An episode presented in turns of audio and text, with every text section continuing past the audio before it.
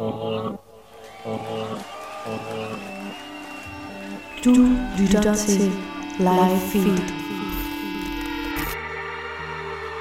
Well, I remember it's important when you are clapping your hands above your head or doing anything with your arms in the air. It's important not to forget about your hips. Din vært er Isa Naja Buhl.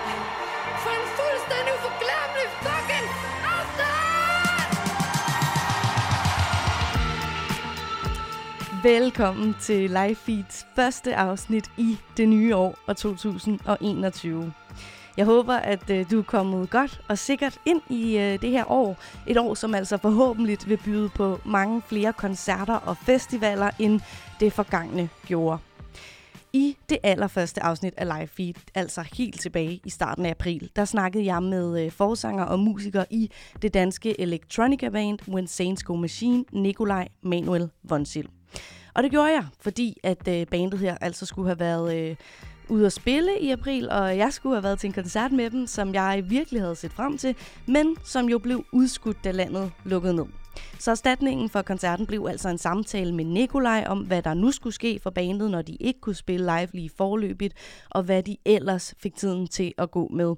Koncerterne de blev rykket til slut januar, øh, altså i det her år, og øh, det er jo snart, og forhåbentlig kan vi komme til koncerter med dem. Det vides jo ikke endnu, hvordan det står til, men øh, lige meget hvad, så vil jeg altså i det her afsnit snakke med Nikolaj Vonsil og Jonas Kenton fra When Saints Go Machine. Og det gør jeg netop for at catche lidt op på, hvad der er sket de sidste ni måneder, siden mig og Nikolaj altså snakkede sidst.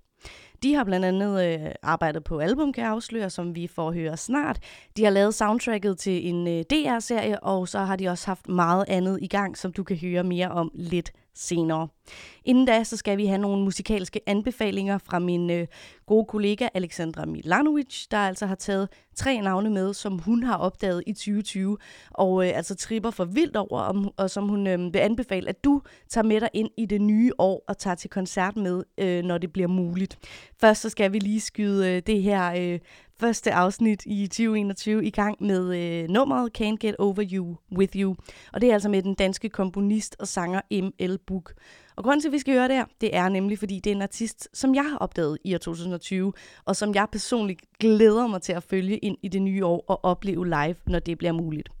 Mit navn det er Isanaya. Velkommen til et nyt og forhåbentlig lysere koncertår, og endnu en gang velkommen til Live Feed. I need to quit Learn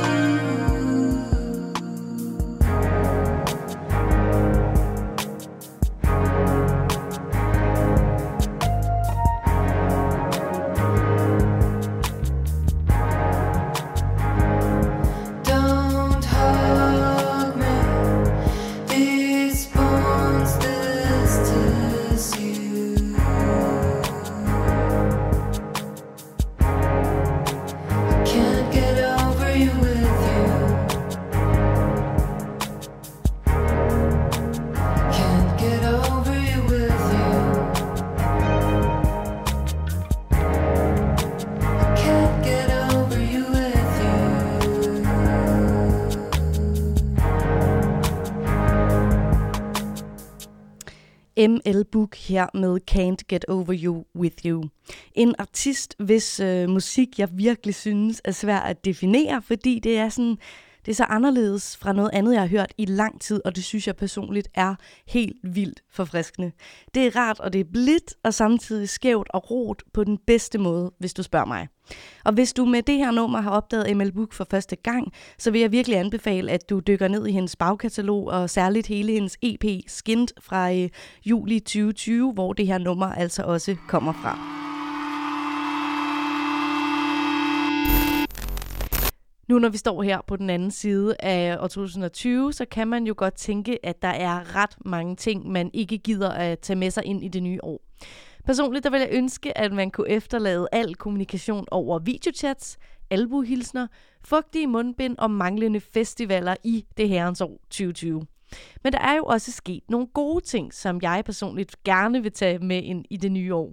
Og det er blandt andet al den fantastiske musik, der er kommet fra særligt det mere upcoming artister og bands, både internationalt og fra Danmark.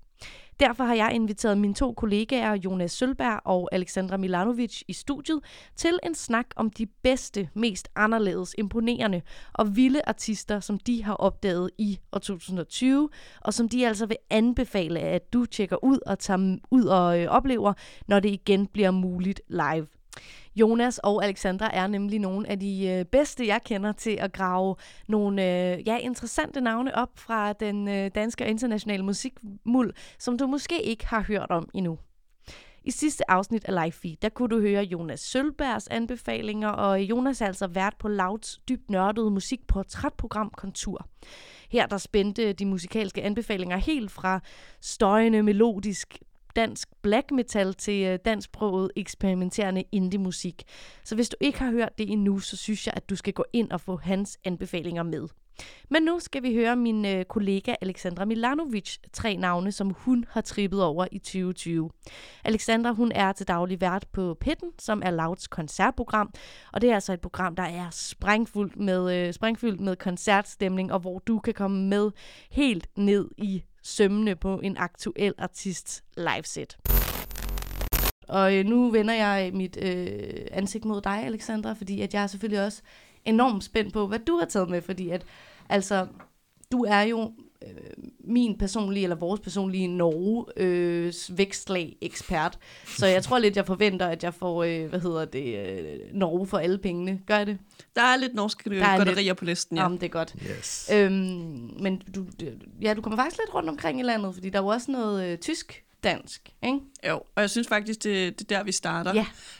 Øhm, det er nemlig Greta, og jeg synes, øh, altså vores kanal Loud, men også P6 Beat, de har været virkelig gode til at øh, løfte hende og hendes musik, og jeg tror, øh, øh, ja, Gaffa og Soundvenue har også placeret hende rigtig godt på øh, deres ligesom bedste albums for i årlisten. Men jeg faldt over hende faktisk i øh, anden halvdel af 2020, da jeg skulle på Uhørt, og hun har også været med i mit program Pitten, hvor jeg ligesom har lavet et koncertportræt af hende. Men det ved hendes musik, det er det her ligesom disco-pops øh, 80'er-univers, og øh, som med de andre artister, jeg også har valgt, øh, jeg har valgt dem, fordi de tilfører noget helt unikt til deres univers, når man ser dem live. Det betyder nemlig rigtig meget for mig som hvad skal man sige, fan, mm. når jeg ligesom skal opdage nye artister. Altså, det er fint, at jeg ligesom kan sætte de musik på Spotify eller Apple Music eller whatnot, men hvis du kan give det der ekstra på en scene, så øh, er det ligesom fuld bankoplade for Ja. mig. Og det føler jeg, at Greta virkelig, virkelig kan. Og vi har faktisk, os tre, Jonas, Isa og jeg, vi har jo været inde og se uh, Greta i, uh, i Pumpehuset. Uh, kan, kan I overhovedet huske den koncert? Det lød, for det til at lyde, som om vi var skide stive. Ja, det, det var vi ikke. Men ja, det kan jeg i hvert fald. Og, og det vil jeg også øh, sige mig meget enig i. Altså, at hun tilføjer noget, øh, noget stærkt live. Øh, men måske, øh, hvad, hvad siger du, Jonas? Så siger jeg bare, hun har det, som en øh, pop, øh, popstjerne en spe skal have. Hun har jo også det der hit, Daughter, som jeg bare, det er det de numre, jeg har lyttet mest til. Og det er normalt ikke min genre. Jeg fik bare faret benene væk under mig af det her nummer, så jeg tror virkelig på, at øh, du har ramt rigtigt i, at, at, at Greta er the shit. Det kommer til at bosse endnu mere. Og øh, inden vi tændte mikrofonerne, Jonas, der, der havde du nærmest sådan et øh, mukken kommentar om sådan, hvorfor har Greta ikke blæst mere op med den her Daughter-single? Jeg forstår ikke, hvorfor er det ikke blevet et kæmpe hit i Danmark? Ja, lige præcis. Det, øh, det forstår jeg simpelthen ikke. Men øh, Måske, Måske- 2021. måske 2021. Måske skal hun lige erobre Tyskland, før det eksploderer. Jeg ved det ikke. Men hvad er det så øh, sådan helt konkret, øh, Alexandra, at du synes, hun kan live? Det, det er, at hun ligesom giver sin musik det her ekstra krydderi. Altså hun spiller med øh, fuld band, og så har hun også, øh, hvad hedder det der instrument, der er sådan lidt Åh, oh, magisk. hvad hedder det, det der til... Guitar. Nej, Ja, Jonas, tak. En guitar siger... hvad hedder de der? Men Harpen, eller hvad? Nej, nej, nej. Øh, de der, øh, de, der hænger en masse små Nå, sådan noget stave. glokken, glockenspil. Ja, det er nok Ja, det. klokkespil. Ja. Spile.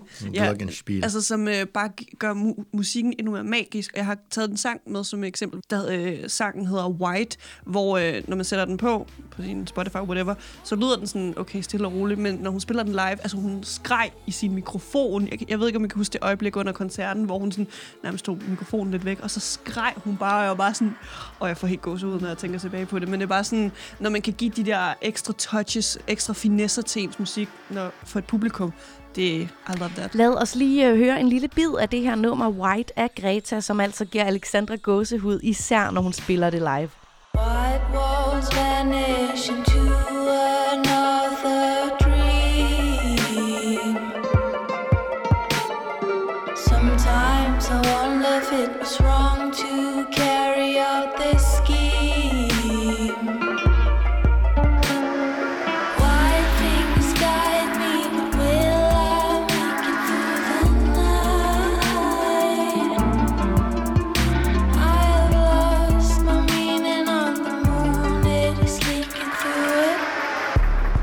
Og noget, hun jo også øh, kæler rigtig meget for, er jo også sådan æstetikken, både på hendes sociale medier, men også i, hvad hedder det, hendes kostymer i gåsøjne. Det, det tøj, hun tager på på scenen, som jo også bare emmer af 80'er æstetik. Øh, så det er jo ja, igen også sådan en fryd for øjet, kan man sige, at, man, øh, at alt er sådan rimelig lækkert. Øh, men fra øh, tysk Danmark, det tyske Danmark, Slesvig-Holsten, nej, øh, så skal vi til Norge. Ja, det skal vi. Fordi øh, som lovet, så er du jo øh, altså den mest kyndige øh, vækstlags øh, Norge-ekspert. Øh, hvem har du taget med fra øh, de norske fjelle? Jamen, øh, vi skal faktisk over til øh, Vestlandet på Bergen, øh, og det skal lige siges, det har været rigtig svært at ligesom koge den her liste ned til tre artister kun, fordi der har virkelig været mega sprøde ting fra det norske vækslag. Men jeg har valgt Hedda May. Jeg opdagede hende til øh, årets Bylarm, og hvis man ikke kender Bylarm, så er det Norges version af Spot Festival, men bare i Oslo. Øh, så hun skulle ligesom optræde til den her branchefestival, og Mamma Mia, hun fik fuld plade af medierne og musikjournalisterne efter hendes koncerter, fordi hun har så meget krudt i røven på en scene. Altså det er hoppen rundt, løben rundt, fuld band og spiller. Øhm, og så er hun bare virkelig god til at drage hendes, øh, hendes publikum ind i hendes øh, univers. Og jeg har også lavet et program med hende mm. i, øh, i Pitten, hvor øh, hun blandt andet afslører, at hun skal udgive en EP-trilogi. Og for mig, altså når man er sådan en upcoming artist, at have den vision om sådan, om jeg skal ikke bare udgive en lille EP, og så ser vi med et album. Det er visionen om en EP-trilogi. Mm. Så hun har allerede udgivet den øh, første del, der hedder Introducing Hedda May, og hun er nu, hvad skal man sige, øh, musikbryghuset øh, over i Oslo og producerer de her to øh, resterende trilogidele, kan man Mm. sige det. Mm. Øhm, ja, så jeg glæder mig sygt meget til, hva- hvad, hvad der er i vente fra Hedda May. Hvad er det for noget øh, musik, hun laver, øh, sådan øh, genremæssigt, hvis man ikke kender til hende? Det er øh, retropop, og så er der lidt ligesom uh, Greta, der er lidt også nogle disco-elementer, men det er ikke i hende, alle hendes sange, der er sådan disco men overordnet set sådan retropop, lidt indie, ja. Yes,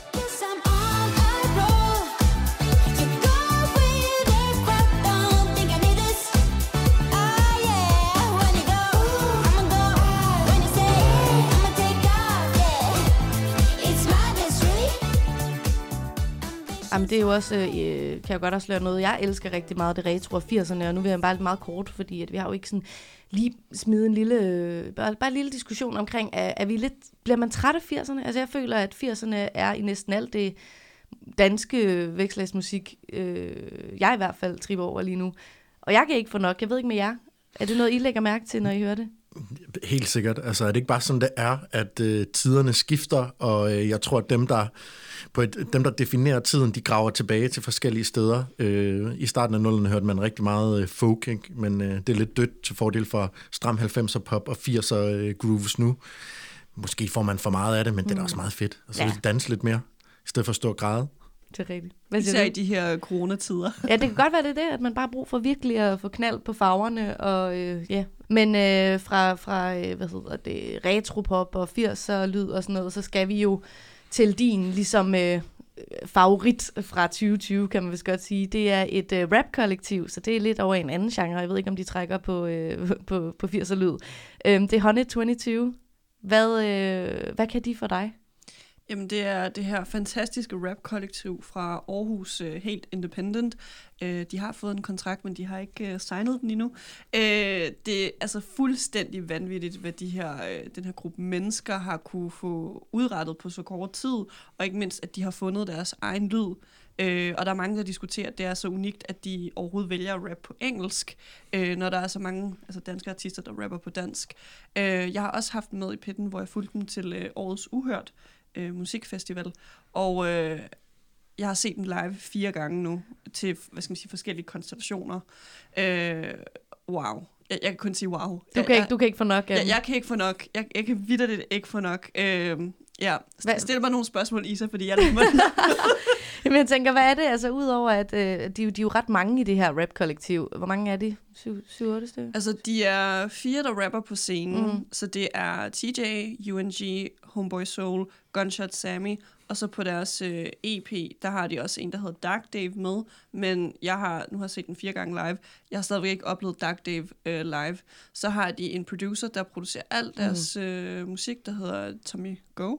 Og så har de to øh, manager, øh, Hassan og Sadak.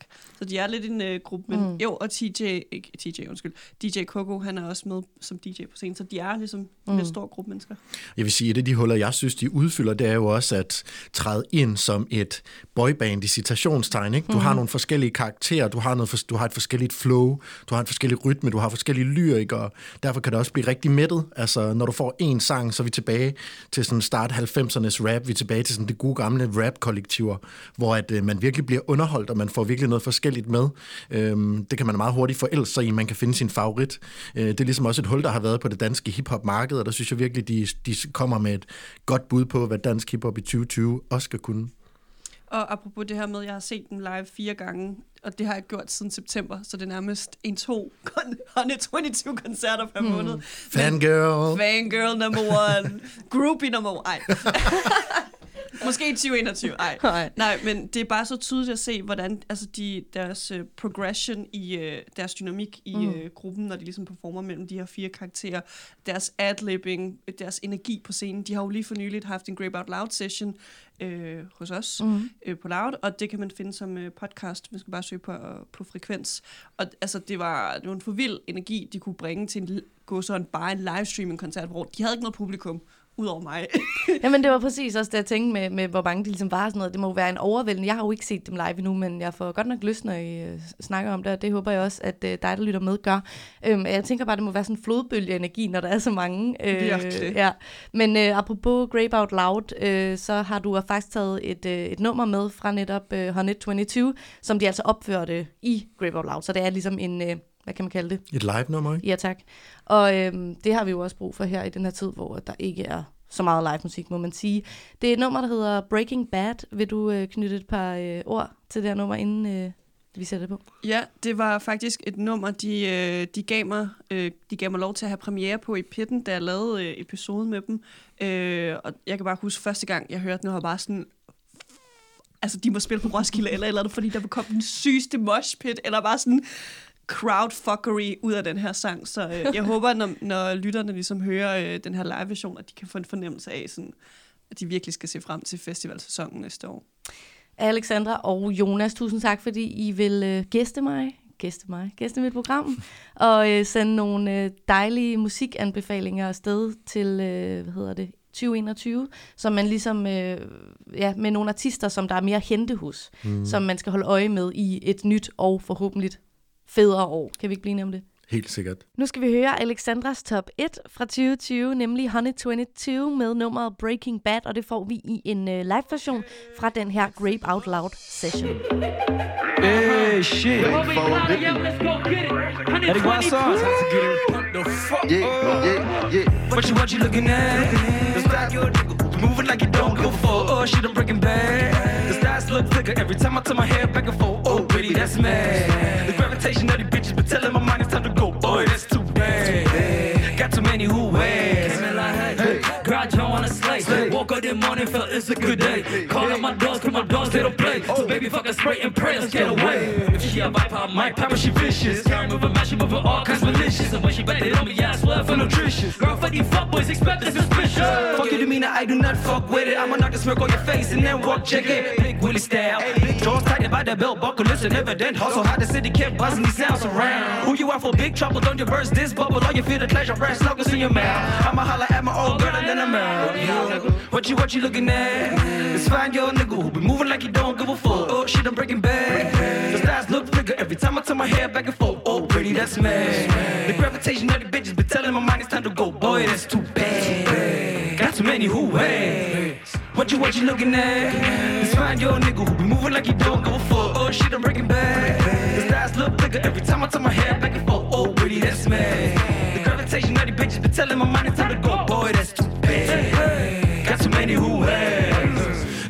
I see you. So turn up, come on, come by, join the vibe. Ain't no standing still, you will advise. Till the flow go crack before our eyes. And if really did shit, it is what it is. Already convinced that this shit don't make no sense. The way your hips be moving, I might lose it. It's all about the movement. Fresh out the counter, bitch trying to grab me by my dick. Oh, shawty, you nasty. Gotta fuck it out tonight, don't even ask. Cause I'm litter than a bitch, and my ex is tryna blast me. Why? I don't know. I live in lavish. Brand new shoes for breakfast, up candy. They would take it to the candy shop, didn't even ask me. Let it puff free tonight, you is baddie. Triple three, it's a Eddie. Pull up on a young nigga, sugar daddy. Triple three, is a Eddie. Pull up on a young nigga, sugar daddy.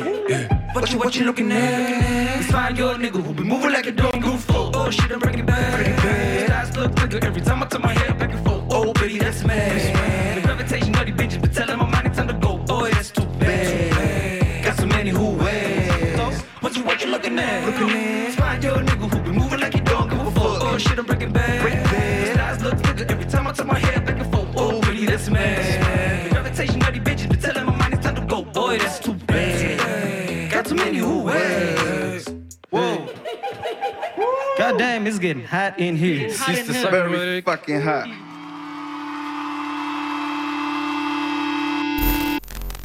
Du lytter til live feed med mig, Isa Naja, som din vært. I det allerførste afsnit af Live Feed, der snakkede jeg med Nikolaj Manuel Vonsil, der er forsanger og musiker i den danske elektropop trio When Saints Go Machine. Det gjorde jeg blandt andet, fordi jeg havde glædet mig enormt meget til at se dem live den 4. april i Vega, men måtte jo med øh, stor skuffelse, som så mange andre, vente til, at musikken igen måtte spille på landets spillesteder og venues. Og dengang jeg snakkede med Nikolaj, der lød det blandt andet sådan her.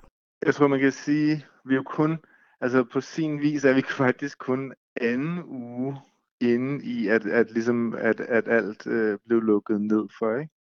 Der skulle man, øh, der skulle lige lande for det første, og der var en masse ting, der lige skulle aftales, og hvad gør vi så, og, og, øh, og man vi var også i gang med at forberede os til de her koncerter, så man skal, og man skal ligesom finde ud af sådan, hvad er så vores plan? Hvis det her ikke er vores plan, hvad, hvad, hvad skal vi så lave?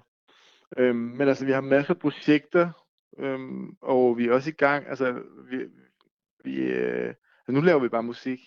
Ni måneder efter har jeg nu fået øh, fint besøg i studiet af netop Nikolaj øh, Manuel Vonsil og Jonas Kenton fra Winsensko Machine. Velkommen til. Tusind tak. Tak.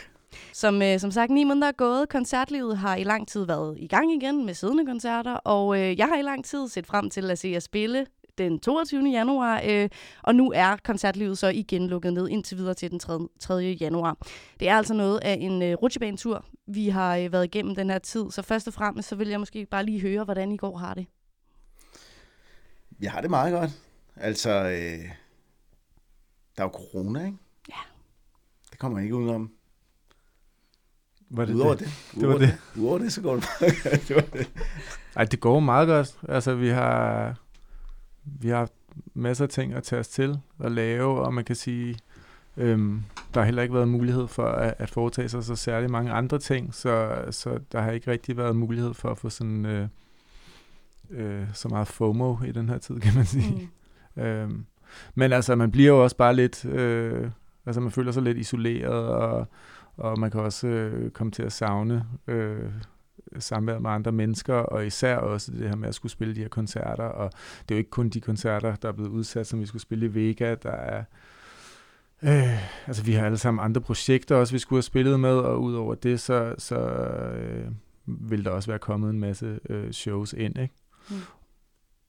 Og man kan sige, at vi havde lige udgivet et album, da det var, altså at, at øh, ja, nærmest lige da, da hvad hedder det, øhm, da corona ramte. Så det album døde jo lidt på den person, fordi man kunne ikke ture på det, man kunne ikke spille, øh, hvad hedder det, man kunne ikke ligesom øh, spille jobs på baggrund af det. Øh, så det er underligt, og så tror jeg, at den helt store ting for mig er også at lige pludselig begynde at blive skræmt over det der med at skulle spille en koncert igen, fordi at man øh, ikke har spillet, altså jeg ved ikke, hvornår jeg sidst ikke har spillet i et år. Altså når det ikke har været selvvalgt. Jeg tror, jeg har før en gang i al den her tid, siden 2000. 2007 8 eller sådan noget, ikke spillet i cirka et år. Men altså, det var, det var selvvalgt, så det er den anden. Hvad mener du, når du siger, at albumet ligesom døde? Jamen det forholder sig jo altid sådan, når man udgiver et eller andet, så tager man ud og ligesom øhm, viser en anden side af det, altså hvad kan man sige, at, at, at det album, ikke? Øhm, og for os var det jo en lang, lang rejse, i hvert fald med So Deep, som startede som ingen, altså som absolut intet, og, og hvor vi lavede det her kæmpe store øhm, altså sample bibliotek, også sammen med, med Christian øh, Balvi, som vi har øh, lavet lyd til, Ulven kommer med os. Øhm, og derfra lavede vi så et symfoni, som vi opførte, og efter det var der en masse ting, som vi på en eller anden, altså alle de øh, ting, der var spillet af klassiske instrumenter, mange af dem digitaliserede vi så igen og gjorde til MIDI og lavede et, et, et album ud fra med de klassiske indspillede øh, hvad hedder det, instrumenter også. Så det var bare en lang, lang rejse, og det ville have været rigtig dejligt at kunne ligesom lukke den ved også at have spillet hele det her år, ikke? Og, og vise folk, når man der, der var den her side af det, som var den hele den klassiske del, det der blev til, til det her symfoni, og så var der den elektroniske del, som, som øh, ligesom opstod ud af det, ikke? Det Og- kunne vi ikke. Nej. Forhåbentlig kan det så få lov til i hvert fald at leve, altså godt nok noget tid efter, men, øh, men til januar. Vi skal snakke mere om øh, også jeres lille turné, som vi krydser fingre for, øh, bliver til noget. Men øh, inden da, så øh, ni måneder siden vi har snakket sammen. Det er ret lang tid. Det er faktisk lige præcis så lang tid, som det tager at gro en baby i en mave. Og det siger jeg jo selvfølgelig, fordi at øh, Jonas, du, øh, du står på nippet til at skulle blive far. Tillykke med det. Det er rigtigt. Ja. Det, Det det var-. Der er fra dags dato, der er der, der er 14 dage til termin, Mhm. og det er første gang. Det er vildt nok. Så jeg er fandme spændt, altså. Ja. Det må jeg jeg, sige. jeg siger selvfølgelig også lige, så, så hvis du løber ud af studiet på et tidspunkt, så er det derfor. Det er det. Jeg Hvis min telefon ringer, så er jeg Ja. I'm out. Jeg er spændt på, om Silas og jeg giver dig øh, barsel, faktisk. Uh, det er rigtigt, ja. det er, jeg er spændt. Der skal virkelig... Øhm, Mm. Ja, jeg er lige så spændt, som, øh, jeg er lige så spændt øh, som dig. Altså omkring det. er, det, er det dig, Nikolaj Silas, der har, øh, der har øh, chefpositionen i, øh, i bandet? Nej, men altså, man kan jo ikke bestemme alting selv. Vel? Så der tror jeg lige, vi skal have det op på. på Pleno. Ja. Mm. Øhm, og udover at, øh, at du skal til at være far, så, øh, så, så, så tænkte jeg, at øh, vi lige skal catche lidt op øh, igennem vores snak i det her afsnit. Og øh, jeg kan starte meget hurtigt med at fortælle, hvad der er sket for mig de sidste ni, mån- øh, ni måneder. Så er vi ligesom øh, det ude af verden. Ja. Jeg øh, har lavet en del live feed. Jeg er blevet moster for en gang, har været til rigtig mange koncerter, drukket rigtig mange øl og har fået fjernet to visdomstænder. Så ved jeg ligesom, hvordan det står til i min verden, men det skal jo øh, selvfølgelig ikke handle om mig, det her program. Så jeg har ligesom prøvet at samle nogle, øh, nogle begreber øh, frem i min research af jeres tid. Jeg har jo fulgt med på sidelinjen de sidste ni måneder, og er kommet frem til øh, de her ord. Det første, det er torso, så er det netop Ulven kommer, album og kommende koncerter. Opsummerer det sådan rimelig groft, hvad der er sket hos jer de sidste ni måneder, eller er jeg helt galt på den? I må gerne være Jeg synes, det er meget, jeg, jeg synes, det er meget øh, spot on. Så er der måske også alle mulige andre ting, men, øh, men øh, det der, det er, jeg synes, det er en god opsummering. Ja. Hvad synes du? Hvad siger Nikolaj? Mm, det, jo, det synes jeg da. Det, jo, det synes, jo, det synes jeg. Men det virker hvad bare har sådan... givet udtryk for på de sociale medier. Nej, det, ja, ja, præcis, men det er jo også kun, øh, altså det er den halve sandhed jo. Mm. Altså sådan, øh, hvad hedder det. Men jo, det er det vel. Og så tror jeg også, at, at på en eller anden fasong, øh, det virker meget som om folk har øh, at nogle folk er ligesom gået helt, altså, hvad hedder det, hvad hedder det, faldet i flasken, ikke? eller hvad det hedder, og andre har så gjort det modsatte. Mm. Og der tror jeg helt klart, at vi har gjort det modsatte. Jeg har løbet frygtelig langt. Ja, så du har simpelthen også øh, løbet? Ja. Sådan helt jeg blev, fysisk løbet? Jeg blev nødt til at have noget at løbe. Altså, jeg, kunne, jeg havde lyst til at løbe fra det hele. Ja. Så det tror jeg, altså, så det, det er mere det der med, at man ikke skulle noget sted mm. hen. Altså, man havde ikke nogen aftaler. Det første stykke tid så man jo ingen, og vi arbejdede også hjemmefra og sendte ting over mail øh, til hinanden og sådan noget. Øhm, Mm. Så jeg tror, det der med, at man, altså, og normalt, når man sætter sig op på sin cykel, eller andet, så tænker man, om jeg skal fra hjem, og så skal jeg ud et eller andet sted, og så på et tidspunkt skal jeg hjem. Men der var ikke noget, der var ikke, det der ud var der ikke, altså, det, der var ikke noget sted, man skulle hen. Så det var, det er det, man lige pludselig overvejer, hvad er det? Altså, jeg bliver nødt til, at- man bliver nødt til at få noget andet ind, end bare det der med at gå ned og købe ind og tilbage igen, ikke? Så har man lige pludselig kun været Mhm. ja, lige omkring sit eget hus, ikke? Så øh, I holdt jer i gang. ja, præcis. Og det tror jeg bare har hjulpet en masse i forhold til også hvad, øh, altså alt det, som vi har skulle lave. Og øhm, vi skal også snakke mere om, om netop album, Ulven kommer og alle de her ting. Men nu startede jeg jo med, med det her lidt øh, mærkelige ord, måske for nogen torso. Så måske Jonas, du vil uddybe, hvorfor øh, du tænker, at jeg har taget det her ord med. Det vil jeg meget gerne. Ja. Øh, Torso, det er øh, navnet på det, der er blevet en virksomhed for mig og tre andre unge mænd, som jeg øh, mødte, som jeg har mødt for faktisk snart fire år siden. Og det hele det starter med, at gennem mit musikalske virke, så har jeg altid været lidt af en nørd i virkeligheden, og sådan øh, haft ejet rigtig mange forskellige slags musikmaskiner, og interesseret mig også meget for øh, computermusik og elektronisk musik og sådan noget. Og gennem alt det arbejde, jeg har været mig mange forskellige maskiner, og øh, mig og Silas, vi har blandt andet også i sin tid været på tur, øh, hvor vi øh, var på tur i USA, altså, noget, hvor vi havde et ret kompliceret setup med, jeg tror, vi havde næsten 30 maskiner, som skulle kommunikere sammen og alt sådan noget der. Øh, og så gennem, gennem det arbejde, så opbyggede jeg ligesom en masse forestillinger om, sådan, hvad, hvad er den næste maskine, hvad skal den have, hvad er det for nogle egenskaber, der ligesom kunne være sjovere at putte ned i sådan en maskine. Øh, og der mødte jeg helt tilfældigt, fordi jeg boede i kollektiv, en ung fyr, som gik ud på DTU. Og øh, en af hans klassekammerater øh, tog han med, og de hedder begge to Mathias. Øh, Mathias Bredholdt og Mathias Kirkegaard. Øh, og de har så efterfølgende også taget en mastergrad i sådan noget music technology fra et universitet i Canada. Øh, og de har lige afleveret deres speciale. Og så øh, møder vi også en sidste fører, som er en produktteknolog fra KEA, som hedder Lars Bukholst. Og så begynder vi at udvikle, vi gennem de sidste fire år har vi simpelthen udviklet på en sequencer, som er en lille hardware-box, som kan sekventere musik. Det er en MIDI-sequencer. Den laver egentlig MIDI, Mm. og man kan sætte den til sin computer, man kan sætte den til alle mulige synthesizer og keyboards, bare så længe de har en MIDI-indgang. Og det er sådan et format, der er blevet opfundet Ja. i 80'erne. Øh, Og så kan man sætte den på bagagebæren og så bare køre. Det kan man. Det kan man. Det kan man. For den fylder ikke særlig meget. Det gør den heller ikke. Nej, og den, øh, jeg har også set billederne, den er også meget elegant og sådan noget, og jeg er glad for, at du allerede nu ligesom begynder at forklare lidt om den, fordi jeg er ikke sådan den mest kyndige inden for grej, øh, musikgrej, men jeg synes, det er spændende, jeg synes, det er enormt spændende, og jeg har selv et lille rødt MIDI-keyboard. Det er sikkert det der, mange har starter med, hvad det hedder, et eller andet, jeg kan ikke huske det. Jeg bruger det ikke så meget. Akai.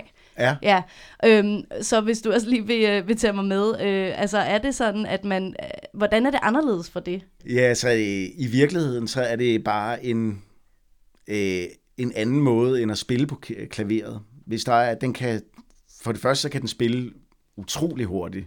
Hurtigere end den dygtigste pianist i verden.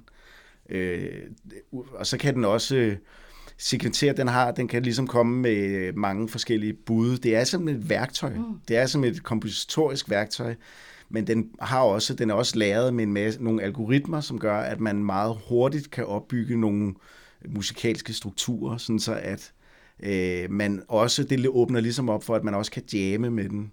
At man kan sådan hurtigt, og det var også meget det, som jeg eftersøgte dengang, at øh, jeg havde vildt mange maskiner, og vi havde et, et stort live setup med alle mulige maskiner, det var, at det gik meget op for mig, at mange elektroniske musikere bliver nødt til at planlægge alting når de går op på scenen. Og det var noget, der irriterede mig utrolig meget, fordi hvis man spørger en hvilken som helst anden musiker, der har øvet sig på at mestre et instrument som et håndværk, øh, vil også i større eller mindre grad ligesom være i stand til at stille sig op og gøre noget, der inspirerer nogle andre til noget andet, og noget, der foregår nogle ting i nuet.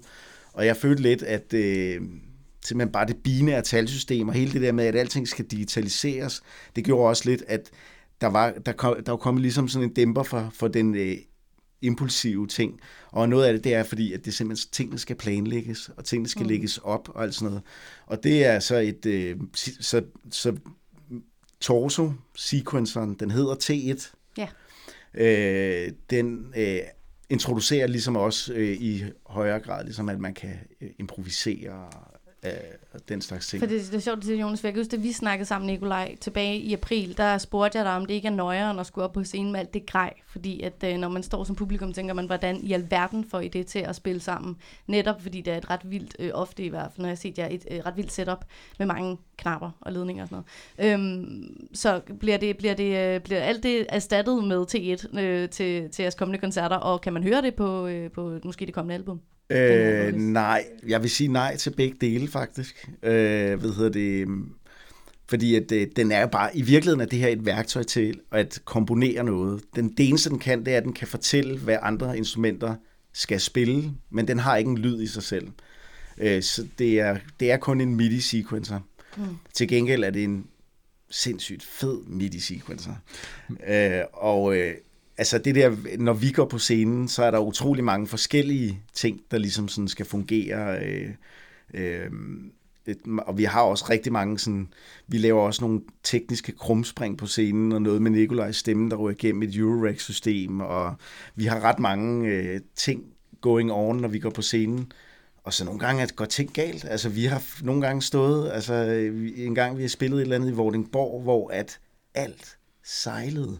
Det var som om, at... Det var i Aalborg. Det, det var i Aalborg. Det var som om, at lige pludselig begyndte alting, alt fra der kom fra min computer, begyndte at falde og stige i tonehøjde. Og der kom sådan nogle skrækkelige lyde. Og tempo. Og tempoet, og vi spillede bare den der koncert, mens det hele bare var sådan... Wow, det var et kaos. Og det var sådan, vi kom igennem hele den der koncert, hvor det, det var...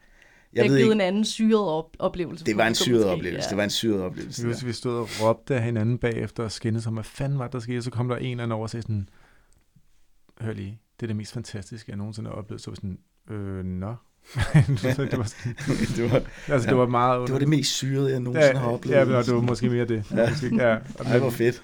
Men, øh, Men det var også det, når det er live, så, Ja. ja. øh, så sker der ting, og det kan jo Ja. også være... Øh... Men jeg tror også, det bliver... det- Ja, ja, det kan, ja. Ja. Det er jo det, der sker, når det er live. Når, når det er live. Men jeg, jeg tror sådan, jo ældre man bliver, jo flere gange man har gjort det, og også, øh, jeg tror for mit vedkommende har det også hjulpet at lave en masse andre ting, som at være med, altså sådan, øh, improvisere eller spille mere, altså ikke de her sådan kæmpe koncerter, men bare spille mindre øh, shows med andre ting, og sådan noget har også gjort, at, at jeg tager lidt nemmere, øh, hvad kan man sige, på den opgave, at det, det, det handler allermest om, når man stiller sig op på en scene, det er at være til stede.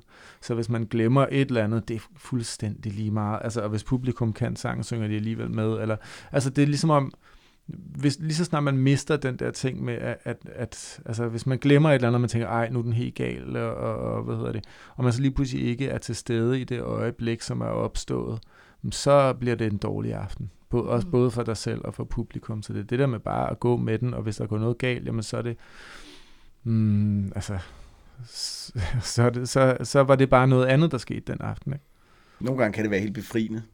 I det Ja, ja, ja. øjeblik, hvor der er noget, der går galt, og så, øh, og så var det bare det. Så er det sådan, så nogle gange, så, du ved, nogle gange, vi har stået en gang i Tisted, hvor strømmen gik tre gange på scenen, og hver gang den blev tændt, så blev folk bare vildere og vildere. Ja, ja. Det var fedt. Det var ret skægt ja. øh, på den måde, ikke? Øh, Jo, og også at tage lidt let på det. Altså, der er jo sket så mange underlige ting. Jeg husker, at jeg spillede på Bornholm, hvor der sad en vips på mikrofonen, så jeg kunne ikke... se- Jeg kunne, jeg kunne ikke... se- Jeg, jeg, jeg, Sådan en rigtig sur vips. Jeg sad bare lige der, og jeg tænkte bare sådan her, hvad fanden skal jeg gøre? Og du har også engang spillet med et fiskebel i halsen. Det snakker vi Ja, også om ja, for ja, nogle ja, siden. ja, det, jamen, altså, så, det er der så alt, ja. øh, alt kan lade sig gøre. Ja. Øhm, som vi kunne høre, øh, vi skal videre i teksten, øh, selvom jeg faktisk gerne vil blive ved med at høre om sjove øh, hvad det, koncertanekdoter fra jer. Men øh, som vi kunne høre i det her sådan, øh, lille bitte klip, jeg afspillede i starten, så sagde du, Nikolaj, at I havde en øh, masse projekter i sigte, der tilbage i april, og, øh, og I arbejdede på ny musik. Og et af de her projekter, det har jo øh, været, at I har lavet soundtracket, og øh, deriblandt selvfølgelig introsangen til øh, DR's dramaserie Ulven kommer, sammen med øh, komponist Christian Balvi, som jeg også øh, selv har nævnt. Yes. Hvordan, øh, hvordan har det så været, altså, da I kom i gang med den her proces, ligesom at øh, vi snakkede kort inden, Nikolaj, lige mens, øh, hvad hedder det, at øh, vi ikke var tændt mikrofoner, at, at du har, I har jo haft adgang til at se øh, billeder og øh, Øh, hvad hedder det, klip fra film, men ja, hvordan har det ligesom været at sætte øh, lyd til levende billeder?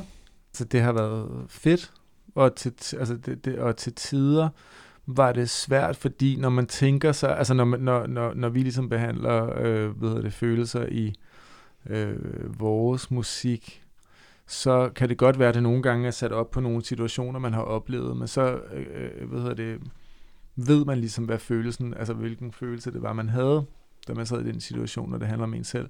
Men det her med ligesom at, at skulle tage fat i nogle andres, øh, hvad man sige, vrede, eller øh, hvad hedder det, smerte, eller usikkerhed, og som så øh, foregår øh, til et møde på kommunen, som er sådan, shit, okay, hvad, hvad, hvad, øh, øh altså, hvordan gør vi det? Så, så øh, man kan sige, en del af det øh, for os er ligesom øh, at nå til enighed om, hvad det var, var simpelthen bare at lytte øh, til for eksempel, altså hvad de forskellige Mm. instruktører, men især også til at starte med, hvad Pernille ligesom øhm, sagde, og lave ting ud fra nogle forskellige scener, og tale om, når man den her type smerte, hvordan lyder den, og, og, og hvad hedder det, og det her med at have en masse lyd, der også transporterer en fra et sted til, til et andet, og hvordan bliver det, altså, øh, ikke øh, sådan detektivagtigt, og hvilke altså instrumenter bruger vi, de forskellige skuespillers øh, eller karakterer i seriens øh, temaer, og, og en udvikling over tid også, ikke? Altså Mm. sådan, at du kan starte med at være skrøbelig, Holly startede med at være, altså med at lyde meget af glas, ikke? Øh, Og hun voksede- voksede sig. Ja. Også bare lige meget kort til dem, der ikke har set den her serie, øh, så handler det jo netop om hende her Holly, der øh, i en stil anklager sin stedfar for at øh, slå hende og hendes øh, lillebror.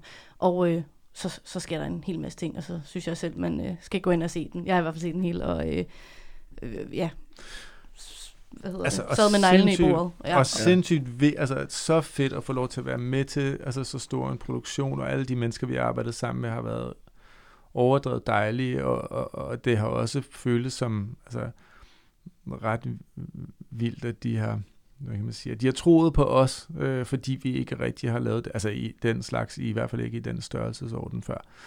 Så Mm. det var rigtig, rigtig fedt, og også fedt at være med til, altså hvad kan man sige, altså at serien var vigtig, ikke? Mm. Altså nu rammer man ind i en eller anden øh, pandemi, hvor alle folk er hjemme, og, og, og hvad hedder det, og øh, retten for vold i, hvad hedder det, hjemmet stiger, ikke? Ja. Øh, så man kan sige, det er, en, det, er en, det er et vigtigt emne at tage op, og også virkelig øhm, sådan hårdt, at det er at vælge det som sådan en søndags dramaserie, ikke? Så det var, altså... Det var et spændende tema også Ja. ja. med alt det, som der ligesom sker med, med... øh, Altså, det er jo bare spændende. Grundlæggende er det jo ret interessant, at vi lever i et samfund, hvor at staten tager ansvar for øh, på mange områder ligesom sådan kan lave et indgreb i familier og øh, og at samtidig med at det er også enormt vigtigt og det nærmest øh, skal at det er jo en selvfølge at, at alle børn ligesom skal kunne vokse op i et i et øh, trygt og godt hjem og sådan noget. Der er mange forskellige en, meget interessante dynamikker og poler, der spiller mod hinanden den der serie der. Og jeg vil også sige, at Pernille Fischer var en øh, virkelig øh, fed instruktør, og hun var enormt skarp på det musikalske også, og hun var, det var en rigtig, rigtig fed oplevelse at arbejde sammen med hende. Hun var virkelig sådan, det var sådan lige, hvor hun, hun satte den lige der, sådan det lige der, mm. og mm. formidlede rigtig godt, hvordan det ligesom sådan... Så det, hun var den perfekte instruktør ligesom for os også at træde ind i det her, den her slags arbejde. Øhm, I har jo også lavet introsangen til den her serie, som jo er et øh, cover af det øh, sådan rimelig store slut 80'er hit Mine Øjne, de skal se, skrevet af Anne Linnet og fremført af Lis Sørensen. Og det her nummer, det er... Øh, øh, uden selv at have levet i 80'erne, øh, vil jeg sige, meget 80'eragtigt, altså ikke jeres, men originalen, øh, et upbeat popnummer, og har du lige glemt, hvordan det lyder, så får du lige en øh, lille snas af det her. Mine øjne, de skal se, se på det, de gerne vil.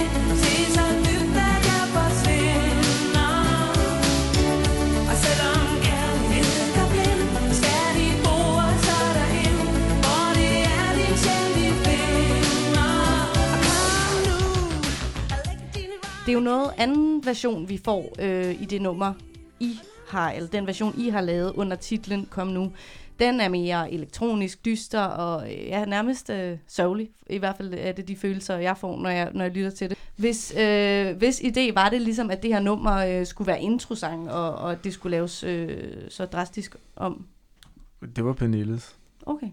Det er simpelthen, øh, det var det, en, en opgave i. Og det er også hende, der synger. Og... Nej, nej, det er det ikke. Ej, hvad hedder det? Men, det, men, men hvad hedder det? Nej, altså... Pernille havde en idé om, som, var, altså, som vi alle sammen var med på, at, at det skulle være... Øh, altså det stykke musik, der var i starten, skulle være taget ud af på en eller anden måde den danske øh, sangskat, der skulle være noget, der taler ind i det her, hvad hedder det, det danske fællesskab, ikke? Og, og, og vores, øh, hvad hedder det, kultur her. Øhm, og så havde vi en liste af nogle numre, men det, altså, men, men altså, det, vi, altså det gik faktisk hurtigt, øh, hvad hedder det, altså hurtigt nåede vi frem til, at det var, Okay. var det her øh, Lis Sørensen nummer, Mm. skrevet af Anne Lindet, ikke? Øhm, og det gik vi så i gang med. Og, og man kan sige, det svære ved alt det der, især med stemmen, er, at man skal... Øhm, altså, at der er noget helt, bes, altså, der er noget helt særligt i det der, altså, i stemmen, når man prøver på at gengive noget, som nogle andre har lavet. En måde, det er skrevet på, en måde, det er sunget på. Øhm, En tid også. Ja, og helt klart også en tid.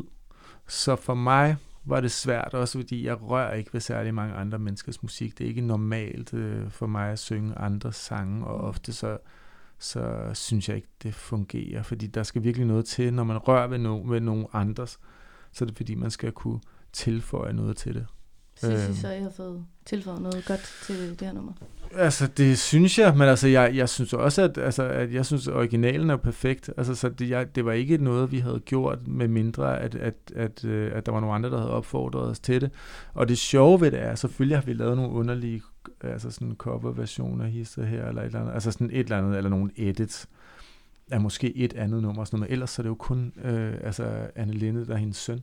Mhm. Altså, det er jo underligt, ikke? Jo. Ja, det er rigtigt. Vi har faktisk lavet Er noget med, underligt? med Ja, det er Sander. kun, det er kun, ja. det er kun uh, Sander og Sande, Ja, vi har, ja. lavet, altså, vi har, vi har, vi har rørt ved i dansk uh, musik. Ja. ja, det er sket, Mm. mm. faktisk. Det er første gang, jeg tænker over det nu. Nej, hvor så underligt. Var, det, var, havde, var det hos mig igen med Koko? Var, Ja, var det oprindeligt, oprindeligt Det var oprindeligt Sander-nummer? Det er rigtigt, ja. Ja. ja, det er rigtigt, ja. Og så lavede han et, øh, så skrev han en sang, der hed Sankt Hans Torv. Nej, jo, Jo. det hed Sankt Hans Ja. Torv, og det var noget, han gjorde hen over et nummer, øh, vi skrev, som hed Parix Ja. fra Ja. Konkylie-pladen. Det, kan jeg sgu- det er sjovt, fordi jeg kom til at tænke på, hvordan vil I så have det? Nu, nu har Sander så øh, ligesom gengældt jeres homage, eller hvad, hvad pokker man skal sige. Hvordan vil I have det, hvordan har I det, hvis folk tager jeres numre op og øh, gør det til deres eget? Altså, jeg, det er jo kærlighed alt sammen, så det vil jeg kun være glad for. Men jeg vil ikke være sikker på, at jeg vil kunne lide det. Altså, jeg, det er ikke, altså, når man har altså, en, en, altså, det ved jeg ikke. For mig er alt, alt sådan noget, det er ikke, jeg kan lide alt slags musik, men det er ikke, øh, altså, det er som om, der er langt, øh, lang vej fra, øh, altså, at det lyder fint til, at Mm. det har en eller anden form for karakter eller personlighed eller ægthed, der gør, at jeg, at jeg vil lytte til det igen. Men altså, det vil jo kun være, altså jeg vil jo kun være glad for det, øh, fordi at det, vil- altså det, det siger jo bare, at folk er så glade for, for, for det, man har lavet, så de selv har lyst til at, ligesom at, at røre ved det. Ikke? Det kan være, at vi får en uh, Lisonsen-version af et af jeres numre på et tidspunkt. Altså, det vil være stort jo. Men indtil videre synes jeg, at vi skal høre altså jeres version af Mine Øjne, de skal se. Her Her får vi uh, Kom Nu med Winston School Machine og Christian Balvi. Læg din varme kend ind til min. Lidt endnu Læg din varme krop ind til min.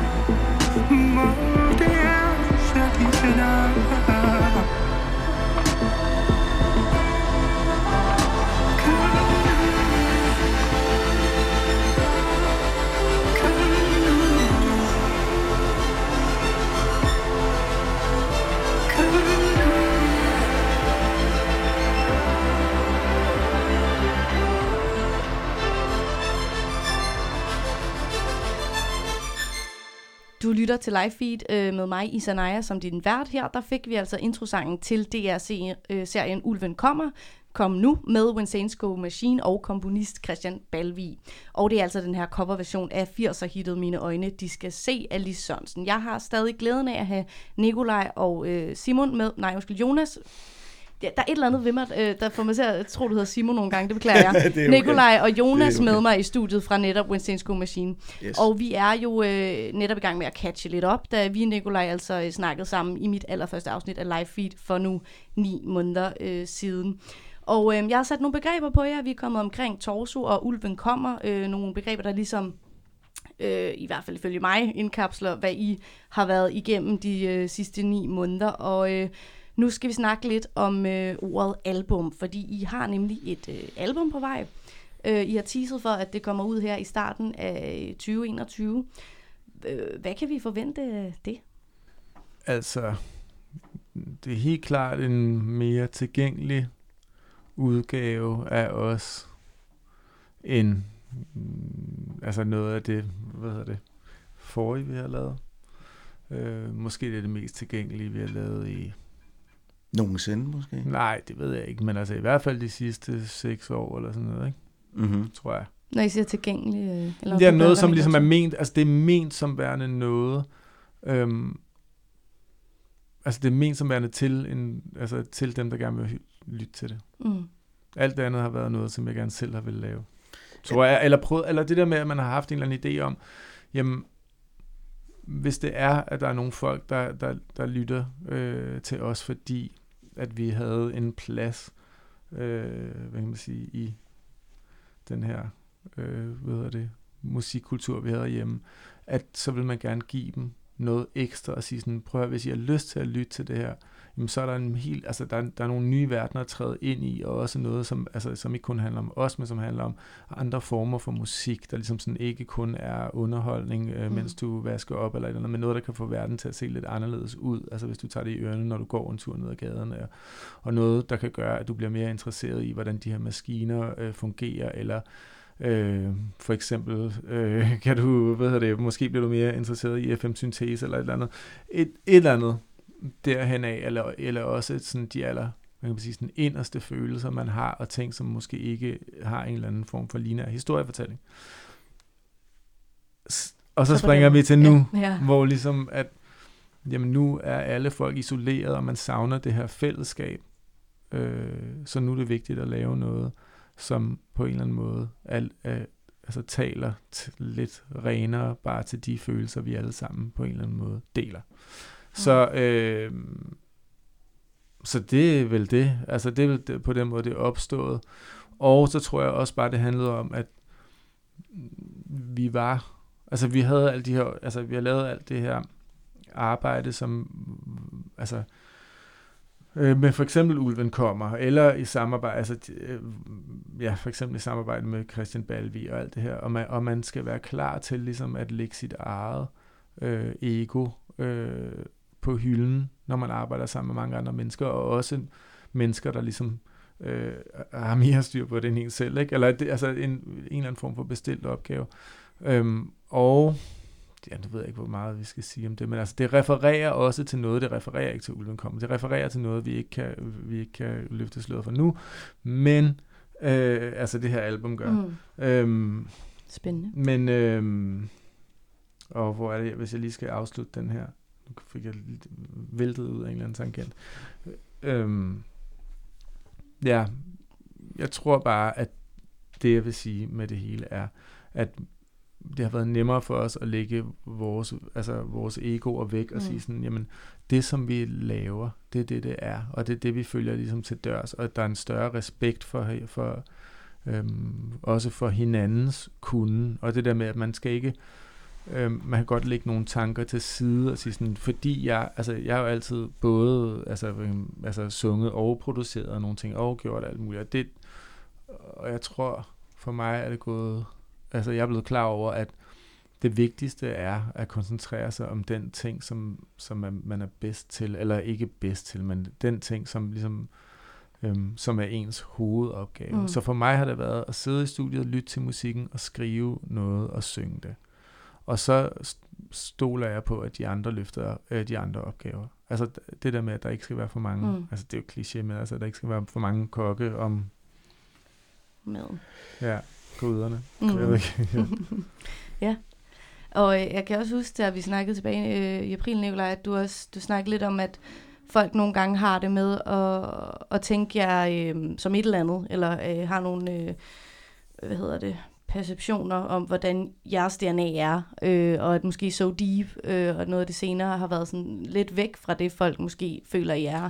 Så, så øh, er det også lidt for at komme tilbage til, fordi du sagde meget godt det der med, at man, man kan jo ikke øh, altså udefra at sige, det er sådan, du er, man udvikler sig jo, man får lyst til at prøve ting af. Men øhm, er det sådan lidt mere tilbage til det, det, det som folk vil kende Mm. som, eller kalde, uanset skulle man sige, DNA? Nej, fordi der er gået sindssygt mange år, men jeg tror, de mennesker, de meget få mennesker, der har hørt øhm, det nu, er, altså synes, at det er, altså man kan helt klart høre det også, men måske er det sådan, som vi vil lyde i, Mm. mm. altså nu. Og det håber jeg, det er. Øhm, men det er jo alt sammen, altså det er jo bare, altså der er jo ikke nogen som helst, der, er- altså det er meget få mennesker, der er reelle på nettet overhovedet, ikke? Mhm. Altså sådan, altså det er jo ikke, re, altså det er jo alt sammen, er jo, er jo hvad hedder det, skuespil, ikke? Altså du, der er jo ikke en, hvad hedder det, altså et ægte sandt billede på Instagram, eller du ved, det, der er, det er alt sammen en, en maske, ikke? Mm. Så jeg tror, det der med, at, at man laver nogle ting, som egentlig er, er meget personlige, og, og det så er svært ligesom at kan man sige, sælge det, øh, hvad hedder det, er, er måske bare sandheden, ikke? Mm. Kan I komme med nogen sådan øh, konkret dato endnu, eller er det øh, Altså, hemmeligt? det er ikke hemmeligt overhovedet, men i løbet af, altså, jeg, altså det er også fordi, jeg kan ikke rigtig huske det nu, men jeg tænker i løbet af januar, inden, inden, inden februar er slut. 28. januar.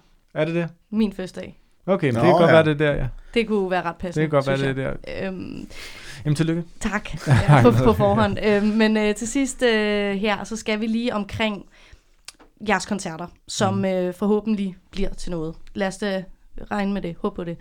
Øhm, nej, men altså jo, lad mig lige høre jer først. Regner I med det? Det er svært at sige, hvad man regner med. Jo. Altså, det er jo... Øh, Nikolaj tager sig til hovedet, kan jeg lige sige. jamen, det er jo... Jeg ved ikke, hvad jeg skal regne med. Nej. Altså, det er jo... Øh, det, er jo det bliver jo kun koldere nu, ikke? Og det bliver jo mere og mere sådan... Og så, øh, men altså, jeg ved det ikke. Nej. Det, der er ved det, det er, at vi kan trøste os med, at det kommer ikke til at vare for evigt, jo. Vi har aldrig Så- skulle spille de koncerter. Det er, vi har aldrig nogensinde skulle spille de koncerter. Det har alt sammen været løgn, og vi laver bare nye flyers med nye datoer, bare for sjov. det er ligesom... I ved det hele tiden, at det egentlig bliver aflyst. I sådan, gør det bare for ja, promo. Ja. ja, ja, og så, hvad hedder det, altså... Ja, og så på et eller andet tidspunkt siger vi, ej, det var, det var for sjov. Mhm. Vi kommer ikke til at spille igen. Ej, det, jeg, jeg ved det. Altså, det er jo Nej. ikke til at sige. Folk stiller også, også det spørgsmål, og, man kan, altså, og det kan vi jo ikke sige. Det eneste, som, jeg, altså, som vi er 100% på, det er, at på et eller andet tidspunkt kommer vi til at spille dem, og vi glæder os rigtig meget til at spille de koncerter, og det bliver også vildt, fordi at, at, altså, vi har slet ikke været ude og stå på en scene og mødt mennesker på dem, og så mange mennesker heller, og, og det er rigtig vigtigt for os, at folk får en god øh, oplevelse, så man kan sige, i starten, når der blev åbnet op igen, og vi egentlig havde muligheden for os at spille nogle andre ting, så var det lidt sådan, jamen, så skal folk komme og have det underligt. Altså, Mm. og, og, det, og, og de, man kan ikke give slip, og, og, og man er egentlig sådan, og måske er der nogen, der er ligeglade, men der er 100% nogle andre, der sidder og føler sig lidt tunge, fordi de har købt en billet eller et eller andet. Mm. Og ja, det, det synes jeg ikke om. Øh, hvad hedder det? Jeg vil gerne have, at folk kunne, kan give slip og være til stede i rummet, både publikum og, og, og os selv. Ikke? Og når, øh, når forhåbentlig de her koncerter kommer øh, til, til januar, så øh, har I været ude på Facebook og skrive, at hvad hedder det, altså da I offentliggjorde den her turné, at, øh, at vi nok, øh, med vi mener jeg os, der gerne vil komme til de her koncerter, kommer til at opleve nogle af dem, man kan synge med på. Altså nogle af de sange, måske noget af det, man mere kender, fordi det passer godt ind i den her tid. Hvad mener I med det? Altså igen handler det om et eller andet fællesskab, og måske at folk har jo ikke, altså folk har ikke savnet noget, som de ikke har, har fået et forhold til øh, øh, øh, endnu. Men hvis folk har, har savnet øh, at høre nogle af de numre live, ikke kun under hvad hedder det, øh, hvad hedder det, pandemien her, men også før det, så synes jeg bare, det er vigtigt, at at før vi tager et næste skridt, at folk får lov til at høre dem, fordi nu har vi eksisteret i så mange år, så vi kan ikke på en koncert på, altså øh, en time og kvarter, eller endda på, altså, på en, øh, altså halvanden time spille alle de numre, folk gerne vil høre, fordi altså, vi har lavet ret meget musik nu. Mm. Øhm, men, men ja, det føles bare som om, at det, at, at det er vigtigt. Og det kan godt være det så, er- og det er det, som folk aldrig rigtig forstår, fordi de, de har det forhold, altså de sætter det på, når de har lyst til at, til at lytte til det, men når man spiller mange koncerter, og man skal spille et nummer, som man skrev 17 år før, eller 14 år før, eller hvad det nu er, altså som nogle af de numre er jo for mig, så er det noget, jeg har skrevet for 14 år siden, og det der med at skulle spille dem over et helt øh, år, altså år efter år, kan godt blive lidt trættende, så man kan miste ligesom sådan den der følelse af at være til stede, fordi at, at det simpelthen bare er noget, der, der, Mm. der ikke gør, at du altså bliver, øh, hvad kan man sige, sådan præsent i momentet, men det gør, at du bliver bumpet tilbage. Øhm, men nu kan man sige, har der været så altså stille så lang tid, så det føles bare, øhm, det føles helt rigtigt at skulle ud og spille den musik igen. Mm. Vi skal til at runde af, øh, men først vil jeg lige høre jer begge to sådan, hvad øh, glæder I jer allermest til ved at skulle ud og give øh, koncerter igen? Nu har I jo haft en lang ufrivillig pause, kan man sige. Vi kan starte ved dig, øh, Jonas. Nå, det er et spørgsmål, jeg drømte om, at jeg kunne tænke lidt over, mens Nikolaj han svarede. Nå, men faktisk. Nikolaj, vil du tage den? Sender lige bolden videre. Mm, hvad, glæder, hvad, glæder mig, hvad glæder jeg mig mest til? Øhm, jeg tror, jeg, jeg glæder mig mest til bare at synge. Mhm. Mm. Altså, jeg glæder, mig til at, jeg glæder mig bare til at synge i et rum, som er større end et lille bitte boks, eller, sådan, eller bare være to mennesker, tre mennesker i studiet. Mm. Det glæder jeg mig til. Og jeg glæder mig til at se folks ansigter jeg ved, det bliver helt, altså det bliver, altså det bliver underligt og helt vildt. Mm. Forhåbentlig på en dejlig måde. Ja. Jamen, jeg, ja, hvad, det, hvad kunne jeg glæde mig til? Måske glæder jeg mig meget. og Jeg glæder mig faktisk også til, at vi spiller nogle nye numre. For det har vi også jo. Mm. Øh, selvom at vi vil spille de gamle. Men der er Ikke bare et eller andet, de der... vi, det, ja, vi, ja, dem som folk kender, eller dem posen. som folk, ja, men, men, og det kan godt være, at vi heller ikke spiller nogle af de helt nye ting. Hvem ved? Men der er de... Jeg glæder mig til det. Ja. Jeg glæder mig til det. Det gør jeg også. Og øh, aller, aller, til aller, aller sidst, vi står med et ben ind i øh, det nye år her øh, nu. Har I nogen nytårsforsæt? Eller tror I ikke på den slags? Jeg har aldrig haft et nytårsforsæt, tror jeg. Jeg har sagt det, at jeg har haft det, men jeg har ikke rigtig haft det. Så det har jeg heller ikke i år. Mm-mm. Jeg tænkte over, og det kan jeg jo ikke selv helt bestemme, jeg tænkte over, at jeg gerne vil se mine venner mere. Mm. Altså mine venner og min familie mere. Jeg vil gerne se mennesker mere. Jeg vil gerne lave nogle hyggelige ting med folk. Øh, også gerne, altså både udendørs, men, men også indendørs. jeg ved, jeg, ved- jeg, ved, jeg, Det lyder da ja. som et, et rigtig godt ja, nytårsforsæt. ja, det tror jeg er, hvad hedder det, Og et, som måske ikke er så, altså, så svært at overholde i forhold til nu må vi se, tabe sig, hvordan eller det går. eller noget. Jamen, okay, men jeg vil også gerne tabe mig helt overdrevet meget. Jeg vil gerne tabe mig, hvad hedder det, øh, 60 kilo. Så vejer jeg 20. det er ikke meget. Okay, så må vi se, om du kan overholde det. og Ja, jeg tror, det bliver, jeg tror, det er, altså, everything you set your mind to. Nemlig. Og med de vise ord, øh, så vil jeg øh, slutte af og sige tusind tak, fordi I kom forbi, øh, Nikolaj og Jonas fra altså øh, Go Machine, og øh, ønske alt på på fremover. Tak. Tak. Det her afsnit af Live Feed, det er ved at være slut, og jeg vil sige tusind tak, fordi du brugte en times tid i Koncertkærlighedens Tegn sammen med mig og mine gæster. Jeg håber, at du vil lytte med i det nye år, og øh, skal vi så ikke lige aftale, at det altså bliver et øh, år med langt flere koncerter og festivaler end det forgangne. Det håber jeg i hvert fald virkelig meget på. Live Feed, det er produceret af Vega for Loud, og jeg er din vært, Isa Naja Buhl. Vi lyttes ved igen, enten i din radio, eller der, hvor du finder dine podcasts.